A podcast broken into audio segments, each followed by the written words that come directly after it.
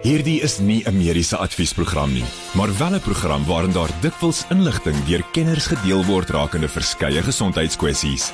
Vir persoonlike raad of advies, raadpleeg jou mediese dokter of sielkundige. Groot trauma op Groot FM 90.5. Soos altyd saam met Dr. Jaco van die kerk en is lekker dat jy hier so is Jaco. Jaco is 'n uh, direkteur van die Trauma 24 daar by Montana Hospitaal en ook sy eie praktyk daar in Pretoria Noord. Haai Pieter, um, goeienaand aan almal daar by die huis. Lekker om hier te wees. Ja, kom ons begin sommer met hierdie staking. Eerstens wat ek wil weet voordat ons nou kyk na van die stories, um, ek weet daar's 'n swanger vrou wat moes op vloere slaap. Uh pasiënte met drup en arm het homself sommer ontslaan weens die staking.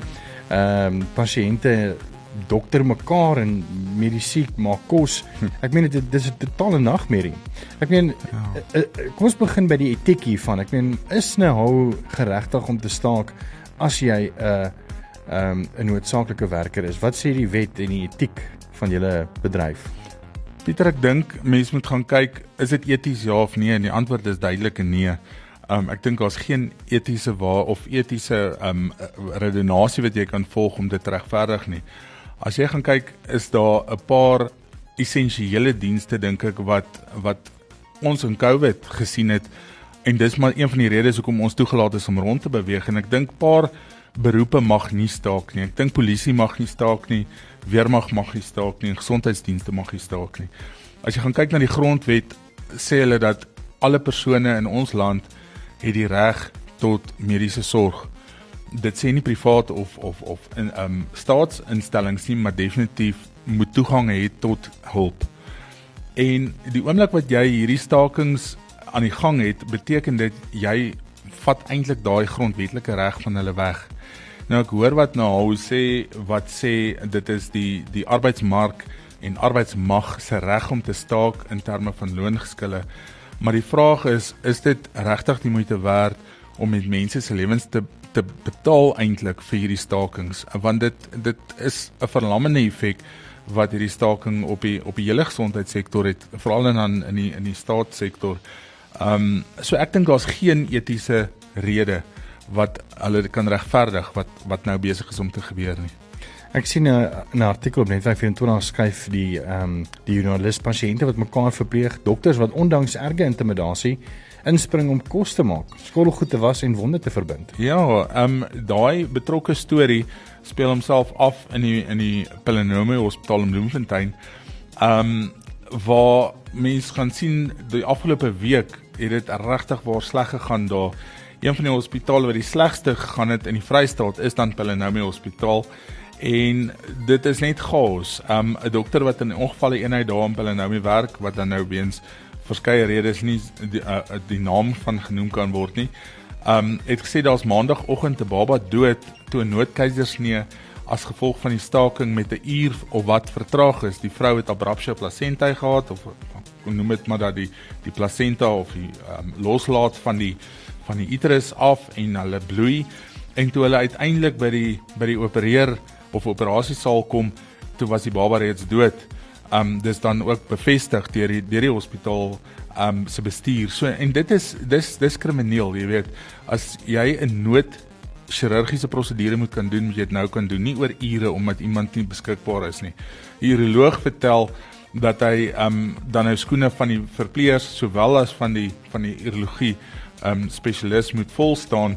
Um, en hy reken dat daar klomp sterftes voorkom kon word deur net 'n bietjie verpleegpersoneel um, in die in die sale te hê.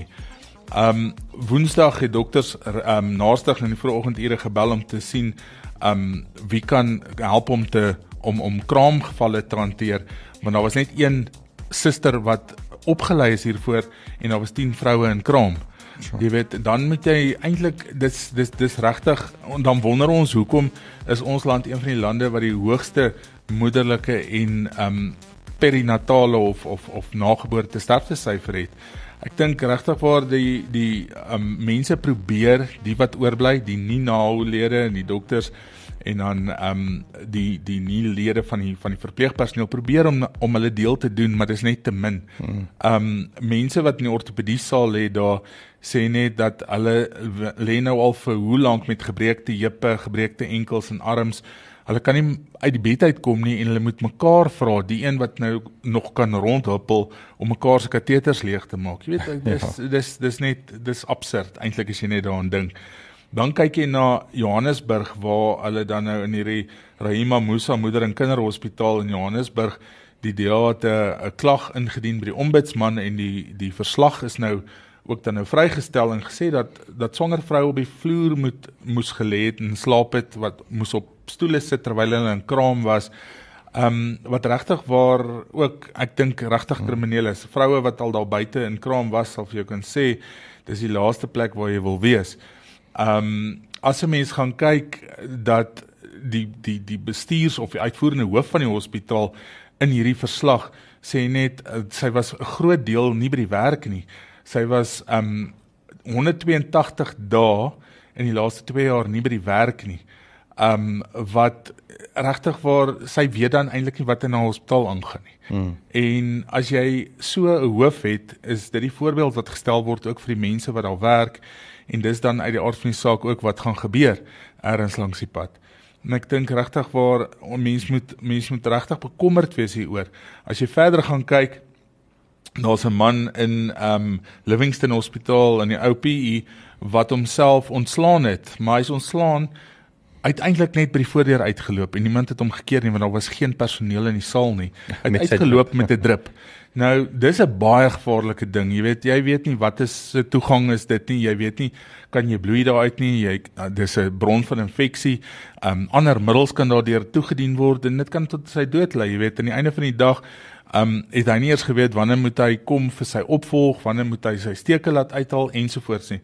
Um so daar's geen pasiëntsorg dan nie en dit is 'n diskommerwekkend en en ek dink totaal oneties om so op te tree. Net hier nou wil ek 'n bietjie by Jaco hoor, wat is dit om emosionele eetleks uh, eetsiklus te hê? En dan net daarna gaan ons 'n bietjie gesels met dokter uh, Tina Smit oor uh, bariatriese chirurgie. Ek hoop ek sê dit reg, Jaco. Ja, bariatriese chirurgie. Nou ja, toe net hier nou. Groot trauma met Pieter Kloete en dokter Jaco van die Kerk op Groot FM 90.5. kyk dan ons so 'n paar nuus stories wat nuus gemaak het en ek sien op uh, Marula Media staan 'n artikel oor emosionele eetsiklusse, Janku. Ja, Pieter, ek dink almal weet of of of 'n groot persentasie van mense daar buite weet dat hulle nou 'n swaar dag gehad het en hulle is moeg en hulle kom by die huis. Um dan dink jou lyf hy's lus vir iets lekkers, net om te ontspan en net om jou jou gedagtes van die rowwe dag af te kry. En ek dink dit is waar emosionele eet baie keer by uh, 'n uh, groot probleem raak in ons om, omgewing en in ons samelewing en en die manier waarop ons leef en die tempo waarop ons leef. Um dis belangrik om te verstaan hoekom 'n mens emosionele eet gewoontes aanleer ook. Die oomblik wat jy emosioneel begin eet of eet as jy emosioneel is of as jy kos gebruik om jou emosies beter te kry, dan gebruik jy dit omdat as terwyl jy eet dink jy nie aan jou probleme nie. Hmm. Jy jy jy, jy distansieer jouself so bietjie van daai depressiewe gevoel. Um vir baie mense kos gee ook neuroordragstowwe wat geproduseer kan word wat dan vir jou beter kan laat voel jou dopamien of jou gevoel goed hormoon en serotonien word geproduseer so mense voel beter direk na hulle geëet het. Maar die probleem is daai snykoek is nou baie lekker en ek weet nie ek kan nou nie praat nie, jy weet want ek dink um, ek moet hierna dalk 'n afspraak maak by dokter Smit vir 'n uh, vir 'n evaluasie.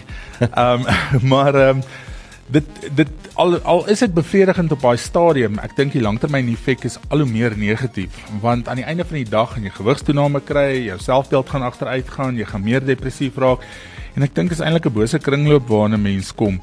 Ek dink mense moet gaan kyk hoekom jy emosioneel eet. Is jy regtig honger of is jy net lus of is, gebruik jy dit net net om beter te voel? Um dis die een ding. As jy honger is aan die einde van die dag moet jy eet, maar as jy as jy dit gebruik om beter te voel, dis dit 'n probleem. Um kyk na ander alternatiewe om met jou gevoelens te werk. Jy weet, um kos is nie altyd die die antwoord op alles nie. En ek dink dit is belangrik om dan professionele hulp in te kry. Um direk nou uit die aard van die saak jou jou dokter te sien, maar ook sielkundiges en en psigiaters dalk wat wat met hierdie goed werk en jou onderliggende probleem kan uit uitsorteer eerder as wat jy na kos toe gryp. En mens mens weet, mens kyk na al hierdie programme en reekse op TV ook van hierdie hierdie erg obese pasiënte en meeste van hulle is depressief. Meeste van hulle het 'n slegte of 'n liggaamsdismorfiese verstoring of 'n slegte selfbeeld of wat ook al van hulle self en ek dink as mens daai uitsorteer is 'n groot deel van emosionele eet ook uitgesorteer. So eintlik kan kos amper soos 'n dwelm raak as mens kyk na die ehm um, die neuro-effekte soos die dopamien en die serotonien wat wat wat vrygestel word. Ja, ek dink ek dink definitief mense kan mense kan so ver gaan dalk om om tot daar te gaan. Ehm um, ek meen dis lekker om te eet. Ek dink altyd ek sê en en dis seker maar 'n grap, maar ek sê altyd ek weet nie hoekom die lewe Vader kos lekker gemaak nie, né? Mm. Ons moet eintlik net eet om te oorleef, nie leef om te eet nie. En mm. en ons vier alles met kos. Jy weet as jy as iemand doodgaan, wat maak hulle? Hulle maak broodjies by die saal as iemand ehm, 'n um, partytjie hou, wat maak hulle? Hulle gaan gaan hulle hulle hulle maak kos. As mense wil graag kuier by mekaar, kom braai by my of kom eet by my of kom ons gaan eet uit. En en ek dink ons vier te veel goeders met kos. Ehm um, nie dat dit sleg is nie. Mm. Ehm um, uit die aard van die saak, maar ek dink 'n mens moet dit uit die aard van die saak maar ook matigheid voor voor oë hou. Net nou gesels met Dr. Tine Smit, ehm um, jy sê oor hierdie probleem en meer, so bly gerus ingeskakel.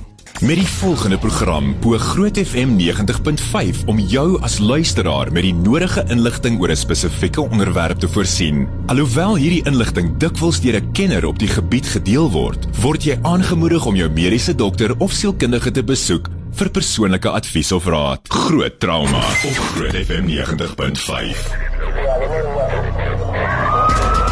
Welkom terug by Groot Trauma. Dis so bykans 8:30 en in die ateljee is Dr. Tine Smit en hy's 'n bariatriese chirurg en nog 'n veel ander goed ook wat onder sy sy ehm um, vaandel vlag. Uh dis lekker om hier te hê, Tinus. Dankie Pieter, dankie vir die uitnodiging. Lekker om hier by julle te wees. Kom ons begin net eers by die die tongknoop. Jy's 'n bariatriese chirurg. Wat beteken dit? Is dit 'n nuwe veld want mense hoor nie en ek veel daarvan nie. Ag, ehm um, kyk in die veld van chirurgie is dit seker relatief jonk. Ehm um, internasionaal is dit so 40 50 jaar al wat wat wat ons chirurgie doen vir obesiteit. Ehm um, ons het eintlik so 'n bietjie weg beweeg van van net om te praat van chirurgie vir obesiteit. Ons praat eintlik nou van metabooliese chirurgie. Want uh, vandat ons hierdie operasies begin doen het, het ons ook agtergekom dat die baie van die metabooliese probleme wat pasiënte mee sukkel, wat sukkel met obesiteit word aangespreek daarvoor. Ehm um, deur die chirurgie. So ehm um, internasionaal word die die pasiënte wat eintlik nou kwalifiseer vir chirurgie word al hoe meer en meer en meer omdat die operasie so effektief is om die om die die ander toestande wat geassosieer is met obesiteit aan te spreek. So ja, dit is relatief jonk. Ehm um, ek dink dit is 'n ontwikkelende veld en ons leer nog baie daarvan want internasionaal vers, ons verstaan nie by obesiteit eintlik so goed nie. Ek dink ons het al baie lesse geleer in die afgelope 50 jaar. Ehm um, maar uh omdat ons nog so baie lesse leer oor obesiteit, ehm um, dit is definitief 'n ontwikkelende veld en 'n baie opwindende veld. En en wat dit waarskynlik ook uh, meer relevant maak is wat ons wat ons in Suid-Afrika sien en wat ons in die res van die wêreld sien, is dat obesiteit word al hoe meer en meer 'n groot probleem. Jy weet, dit is besig om wêreldwyd toe te neem en Suid-Afrika is besig om toe te neem. Dit kos die gesondheidsorgstelsel jaarliks al hoe meer en meer geld.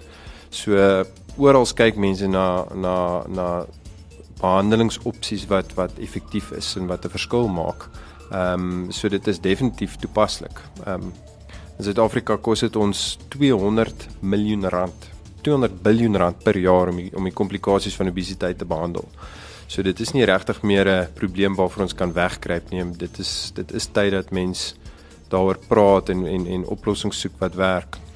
Ja, ek dink ons het so 'n week of twee terug gepraat oor oorgewig en en dieete ook en um in 'n studie wat daartoe uh, vrygestel is het hulle gesê 52% van mense van daai studie was oorgewig of morbid ja. obese. So dit is meer as die helfte van ons land is eintlik oorgewig. Hmm. En oorgewig beteken metabooliese sindroom. Metabooliese sindroom beteken hoë bloeddruk, cholesterol, lewer issues, diabetes, ja. al hierdie komplikasies daaraan. Um maar ek sien as ek as ek reg is en help my asseblief reg. Um die Amerikaanse um Vereniging vir Metabooliese en Bariatriese Chirurgie het in Oktober 2022 hulle definisie verander van wat is mense wat potensieel um kandidate kan wees vir die operasie. Daar's 'n klomp goed wat jy nou-nou vir ons gaan vertel. Wat kyk julle alles na? Ja. Maar um dit was altyd 'n liggaamsmassa indeks van 40 of meer. So dit is redelik oorgewig, maar ek sien dit het verander na 35 toe. En ehm um, as jy as jy irrelevant of jy diabetes of nie. Ehm um, en dan tussen 30 en 35 as jy metaboliese siekte het. Ehm um, ja, korrek. Hoekom het hulle dit gedoen? Ag ja, dit is dit is eintlik maar lesse wat ons geleer het in die afgelope 30, 40 jaar. Jy weet daai aanvanklik toe hulle daai daai kriteria bymekaar gesit het oor watter pasiënte kwalifiseer vir chirurgie. Ehm um, hulle het dit vir baie lank nie weer gehersien nie. En eintlik wat ons maar geleer het die afgelope 20, 30 jaar is weet selfs pasiënte wat 'n uh, liggaamsmassa indeks van onder 35 het hmm. wat nie op konservatiewe behandeling reageer nie, gaan nie op konservatiewe behandeling reageer nie. So uiteindelik moet daai pasiënte ook geopereer word. Jy kan daar's daar's ehm um, daar is heidaglik nuwe behandelingsopsies wat nou op die mark verskyn wat vir die eerste keer begin ehm um, meer effektief raak, maar ehm um, jy weet pasiënte wat uh, 2% van pasiënte wat wat oorgewig is kry dit reg om hulle om, om gewig te verloor en gewig af te hou met lewenstylveranderinge en dieete. Slegs 2%. So 98% van pasiënte gaan weer gewig optel. Ehm um, en daar's verskeie redes daarvoor. Obesiteit is 'n baie komplekse siekte. Ek dink nie ons verstaan al eintlik wat obesiteit veroorsaak nie, maar ons verstaan definitief weer al hoe meer en meer van die meganismes wat wat maak dat obesiteit 'n siekte is. En en en baie van daai meganismes begin ons meer en meer effektief behandel. Maar ehm um, weet daai pasiënte wat ons vroeër nie geopereer het nie, daar is nou goeie bewyse dat dat selfs in daai groep pasiënte is daar 'n langtermyn oorlewingsvoordeel as jy hierdie pasiënte opereer.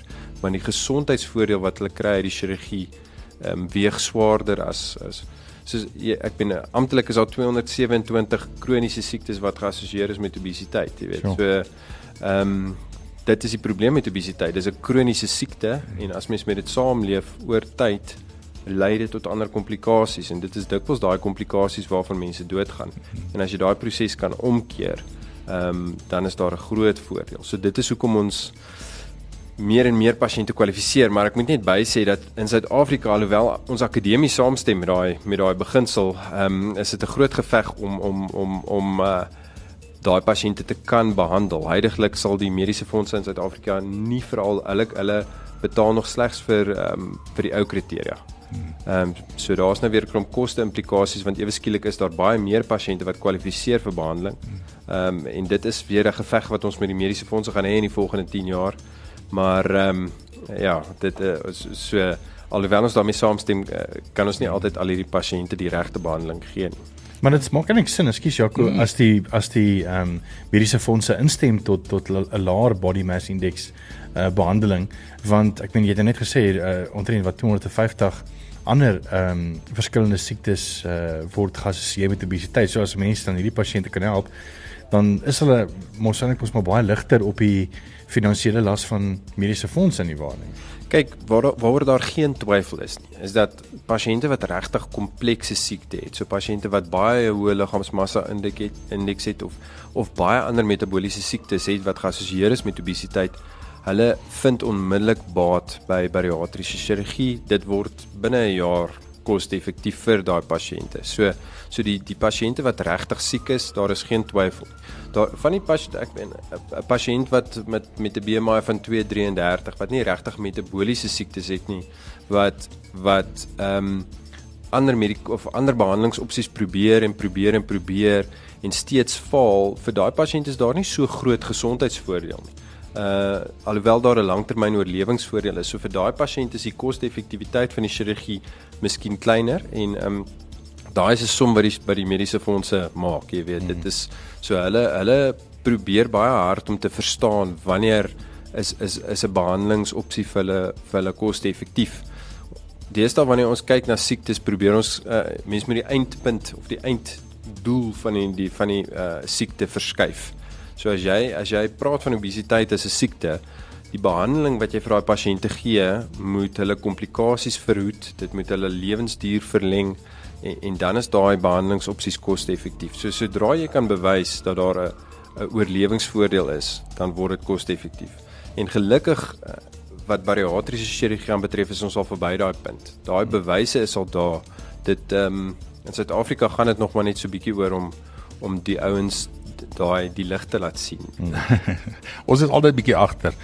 Ek sien in ehm um, 2021 het die Lancet 'n uh, meta-analise gepubliseer van amper 175000 mense wat hulle gesê het as jy nie diabetes is nie, um is jou mortaliteitssyfer of jou sterftesyfer 30% vir alle oorsake mortaliteit nou minder as jou gewig onder beheer is na bariatriese chirurgie en vir diabetes tot 59%. Dis nogal baie.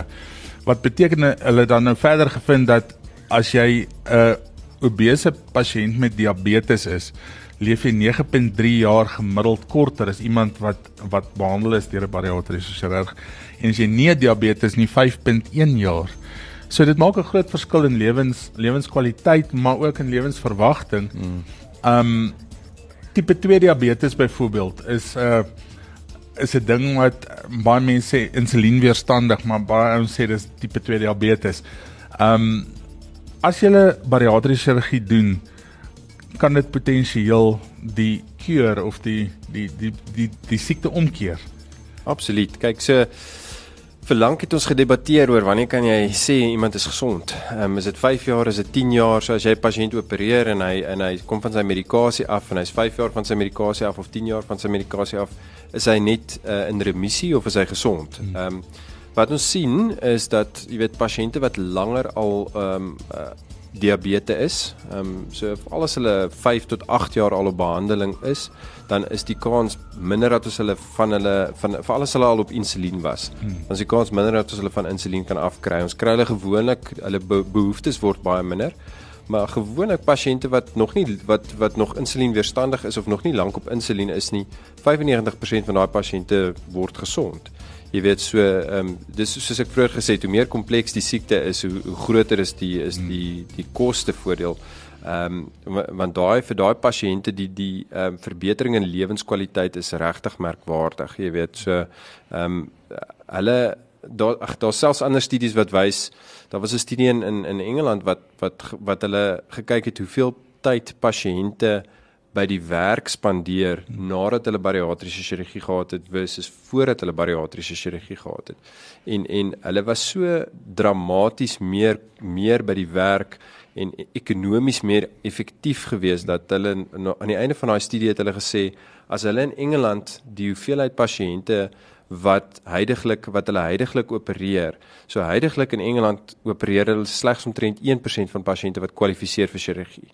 Hulle daai studie het gewys dat as hulle dit kan opskuif na 20% sal dit Brittanje se GDP met 4 biljoen pond per jaar opstyg. Sure, sure. Dis ongelooflik. So, so dit alleen betaal vir die chirurgie. Hmm. Ehm um, en daar's ek was nou onlangs by 'n ding gewees waar 'n 'n prof uit Engeland gewys het net hulle het 'n studie gedoen om te wys dat binne 5 jaar na die chirurgie die hoeveelheid heropnames wat wat ons sien in vergelyking met ander operasies vir pasiënte wat bariatriese chirurgie gehad het is eintlik baie minder.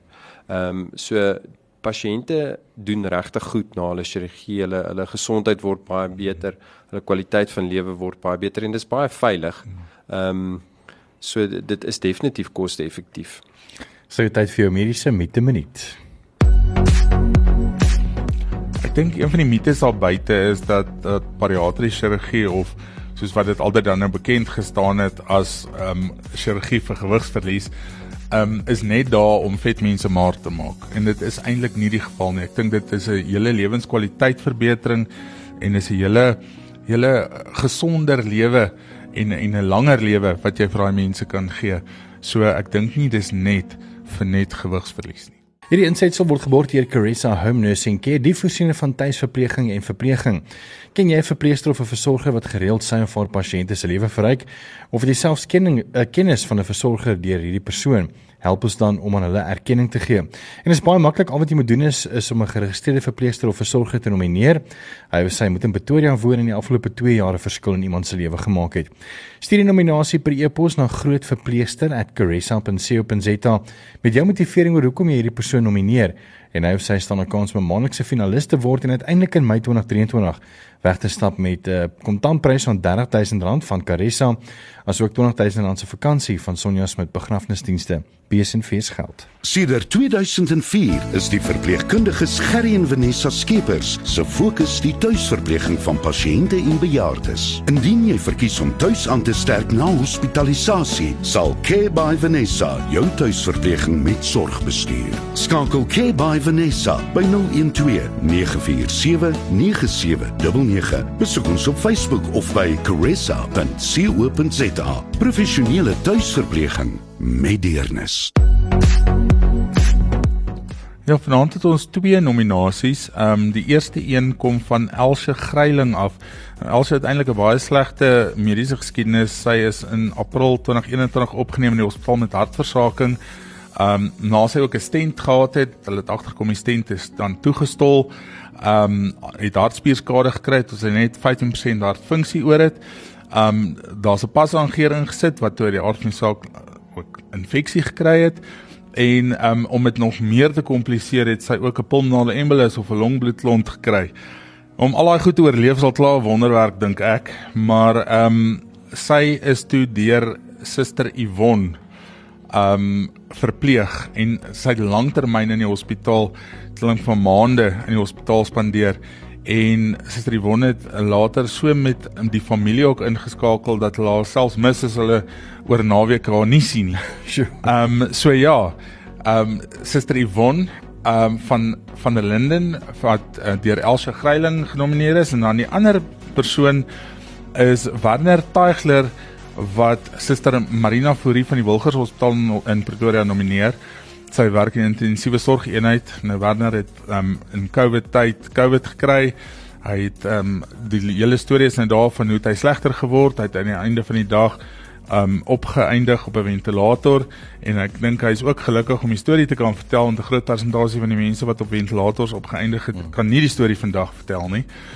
Um sy het ook die familie bygestaan in daai tyd want onthou in daai tyd het um die pasiënte wat binne in die hospitaal is nie eintlik kontak gehad met die familie by die huis nie en die familie by die huis kon nie altyd uitkom of by die hospitaal nie. Hulle kon nie altyd inligting kry nie.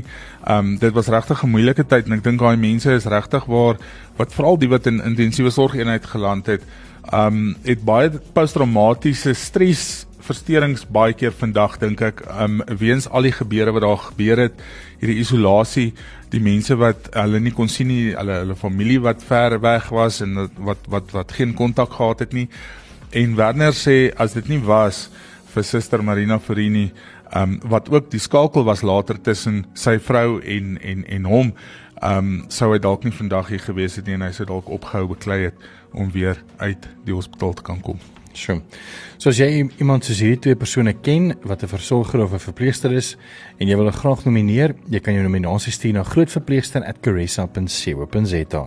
Met die volgende program bo Groot FM 90.5 om jou as luisteraar met die nodige inligting oor 'n spesifieke onderwerp te voorsien. Alhoewel hierdie inligting dikwels deur 'n kenner op die gebied gedeel word, word jy aangemoedig om jou mediese dokter of sielkundige te besoek vir persoonlike advies of raad. Groot trauma met Pieter Kloete en dokter Jaco van die Kerk op Groot FM 90.5.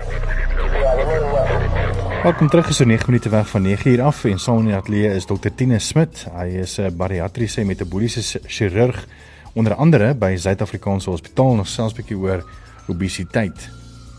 Ja, ek dink ons het nou van die af ook gesels. Ehm um, maar as ek nou daar buite gesit het met my dik maagie en ek het vanaand na ons geluister sou ek gedink het ag dis mos nou 'n maklike manier om gewig te verloor. Jy weet hoekom wil ek nou die eet en oefen en dink aan alles wat ek doen?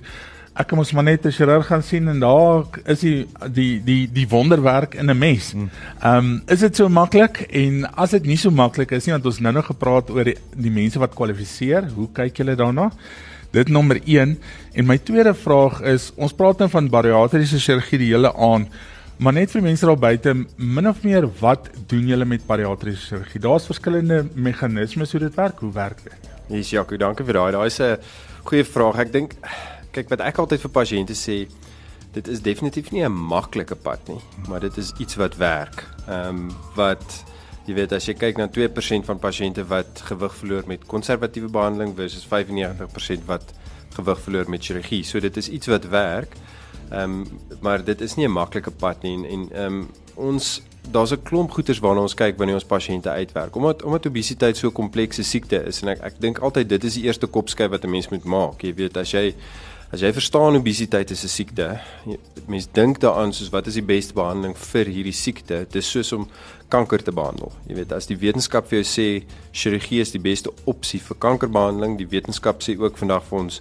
chirurgie is die beste opsie vir obesiteitbehandeling.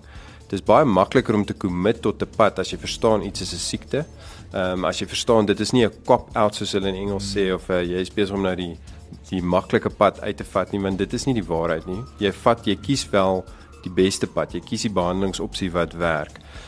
So wanneer ons pasiënte ons kom sien, enige iemand wat lank sukkel met obesiteit en die metabooliese probleme kwalifiseer, ehm um, maar daar's 'n groot klompie werk wat ingaan voordat ons pasiënte opereer. Ons het 'n hele multidissiplinêre span, daar's 'n endokrinoloog, internis, ehm uh, sielkundige, dieetkundiges, wat 'n pad stap met pasiënte. Ehm um, en ek sê altyd vir pasiënte ons probeer twee goed regkry. Ons wil eerstens seker maak hulle so gesond as moontlik voordat ons hulle opereer. Ehm um, daar's altyd goed wat wegkruip wat 'n mens moet diagnoseer en behandel. En dis amper die makliker deel van die pad. Maar die tweede deel van die pad is is pasiënte moet so bietjie verstaan hoe lyk hulle eie lewenstyl, hoe lyk hulle eie uitdagings en watse aanpassings moet hulle lanktermyn maak om gesond te kan bly. So ek gebruik altyd die voorbeeld of die die mens moet die chirurgie beskou as 'n stuk gereedskap wat jy inbou. En dit is 'n stuk gereedskap wat as jy verstaan hoe om dit te gebruik en jy gebruik dit reg, dan het jy baie baie goeie kans om gesond te wees. Ehm um, maar om by daai verstaanpunt uit te kom vat tyd. So in in ons eenheid vat dit gewoonlik 3 tot 4 maande gemiddeld voordat 'n pasiënt ons, ons kom sien totdat hulle reg is vir chirurgie. Ehm um, en en dan want dan weet ons ook pasiënte wat daai pad gestap het saam met ons span en hulle hulle hulle ken die span, hulle weet uh, waartoe om te kom as daar probleme is, hulle hulle verstaan wat se goeders om te kyk op die langtermyn. Daai pasiënte se kans om langtermyn gesond te bly is ook baie baie beter. Ehm um, en dis ook akademies bewys. Daar is geen twyfel dat metabooliese chirurgie pasiënte doen beter as hulle deur so multidissiplinêre span hanteer word. So dit is so 'n kort opsommingkie van hoe ons die pasiënte uitwerk. Ehm um, so daai on, ons kyk na daai kriteria soos wat jy vroeër genoem het Jaco, ehm um, mediese fondse heidaglik befonds net nog steeds die ou kriteria so BMI bo 40 of BMI bo 35 met metabooliese siektes. Ehm um, en, en dan jou tweede vraag wat wat doen ons? Hmm. So dit is so daar is daar is 'n klomp verskillende operasies beskikbaar. Ehm um, ons begin deesdae daar daar daar's ook al hoe meer en meer ehm um, mediese behandeling beskikbaar. Ehm um, wat eintlik nogal lekker is want ek dink vir die eerste keer is daar meer mense wat toegang kry tot behandelingspaaie wat ek, wat 'n verskil maak met obesiteit. Ehm um, wat die medikasie is is meer effektief as wat dit was in die verlede. So ons sien uitslaa. Die medikasie wat tans beskikbaar is is nog nie so goed so chirurgie nie. Ehm um, en ek uh, op die, en ongelukkig behandel medikasie ook nie die oorsake van obesiteit nie. So wat ons sien met medikasie is dat pasiënte as jy daai medikasie stop tel hulle weer gewig op. Ehm um, en definitief soos ek vroeër genoem het pasiënte met meer komplekse siekte doen baie beter met chirurgie. So ek ek dink wat op die langtermyn gaan gebeur met medikasies meer en meer mense gaan in behandelingspaaie ingaan en en steeds op die einde dan verwys word vir chirurgie. Die operasies wat ons meestal doen in ons eenheid is uh drie operasies is SADI. Ehm um, sien dit staan vir single anastomosis duodenal ileostomy. Die tweede operasie wat ons baie doen is 'n Roux gastric bypass. Die derde operasie wat ons doen is 'n sleeve. Daar's 'n klomp ander operasies beskryf. In in kort en miskien om dit te probeer vereenvoudig, al hierdie operasies eh, maak ons die maag kleiner en ons ons omlei 'n gedeelte van die darm. So daar's gewoonlik toe, toe ons destyds jare gelede met hierdie chirurgie begin het, het ons geglo die operasies werk omdat mense net skielik baie minder kan eet en omdat hulle bietjie wanabsorpsie kry. Maar wat ons intussen geleer het is dat al hierdie operasies het 'n hormonale effek. So daar is hormonale seine wat hardloop tussen jou darmkanaal en jou brein wat jou liggaam se metabolisme beheer. Ehm um, en wanneer ons hierdie operasies doen, word klomp van daai hormone afgeskakel. So dis amper soos om 'n rekenaar aan te sit en af te sit. So die konsep in metabooliese siekte waarvan ons baie praat, die Engelse term is set weight. De, wat wat dit beteken is jou liggaam het metabooliese meganismes waar volgens hy sy eie gewig probeer verdedig. So uh, ons sien dit ook met baie met maar mense. As jy 'n maar maar persoon gaan uh, force feed dan en hulle tel 15 of 20 kg op en jy stop, dan sal hulle weer teruggaan na hulle normale gewig toe. En dieselfde is ongelukkig waar vir pasiënte met obesiteit. As jy as jy dit regkry om te begin gewig verloor, dan wil jou liggaam weer terugvat na die gewig waar jy begin het. En wat die operasies regkry is om daai te reset. So daai hormonale syne is eintlik die groot rede op die langtermyn hoekom hierdie operasies werk. Ehm um, so dis 'n wonderlike stuk gereedskap wat jou in staat stel om uit te kom waar jy wil wees. Ehm um, want uh, kyk um, baie pasiënte kom na my toe en sê hulle nee maar as ek net 'n bietjie minder brandewyn drink of as ek net 'n bietjie ek seker ek sal dit kan regkry. Nou die realiteit is dit is ek dink nie daar's enige iemand wat dit regkry om 100% van die tyd die regte ding te doen nie. So as jy uh, as jy 80% van die tyd die regte ding doen en 20% van die weet foute maak, dis dis ek dink dis wat meeste mense reg kry. Die wonder van bariatriese chirurgie is dit gee vir jou daai deur, dit gee vir jou daai venster om te kom waar jy gesond kan wees en om dan op die lang termyn te leef soos 'n normale mens, nog steeds 80% van die tyd die regte ding te doen, maar steeds gesond te wees. Mag ek nog een ding sê? Go for it. Ons het nou van die lig af ook gepraat. En ehm um, ons het nou baie betrokke is met met heup en en knie chirurgie. Baie mense wat knievervangings kort is oorgewig. En as mens net 'n gedagte vorm van um, tussen jou knieskyf en jou bobeen, as jy sit van 'n stoel af opstaan, moet jy jou gewig met 9 maal om daai drukke um, in jou knie te beskryf. As jy op jou hurke sit, is dit 11 keer jou gewig. So as jy 100 kg weeg om van jou hurke af op te staan, is daai 1.1 ton se gewig wat tussen jou knie skuif wat 'n klein ou beentjie is en jou bobeen wat daar druk. So jy gaan artritis kry. Um maar dit ons weet ook as jy daai vervanging doen en iemand is oorgewig, dan kry jy goed soos um faling van die instrumentasie, die goed gaan los, die polies word uitgeloop, die die die pasiënt is nie gelukkig nie. Ehm um, dis 'n goeie 'n goeie alternatief ook vir daai pasiënte. Absoluut. Kyk, as jy ehm um, na die langtermyn uitkomste gaan kyk veral met knievervangings, daar is 'n duidelike duidelike verswakking in uitkomste met as pasiënte liggaamsmassa indeks bo 45 het.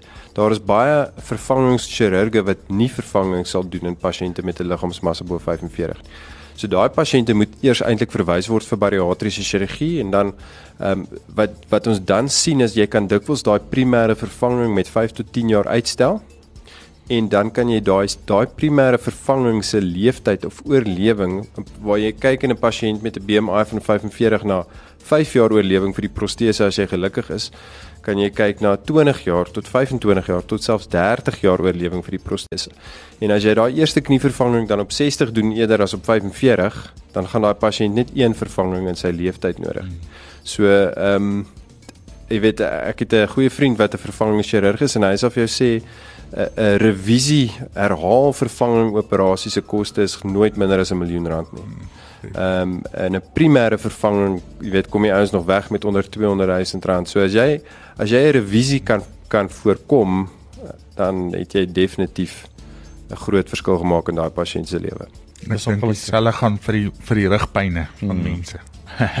Ons moet maar weer vir jou kry Tinus want ek dink mense kan nogal baie aan nog meer as net 'n uur praat oor oor oorgewig wees en die meer is Dr Tinus Smit, hy's 'n bariatriese en metaboliese chirurg by Suid-Afrikaanse Hospitaal en natuurlik Dr Jaco van die kerk uh by die trauma eenheid besit by ehm um, Traumet 24 daar by Montana Hospitaal en ook sy eie praktyk in Montana. Dankie manne. Dankie baie Pieter. dankie. Dankie vir die uitnodiging julle. Dankie.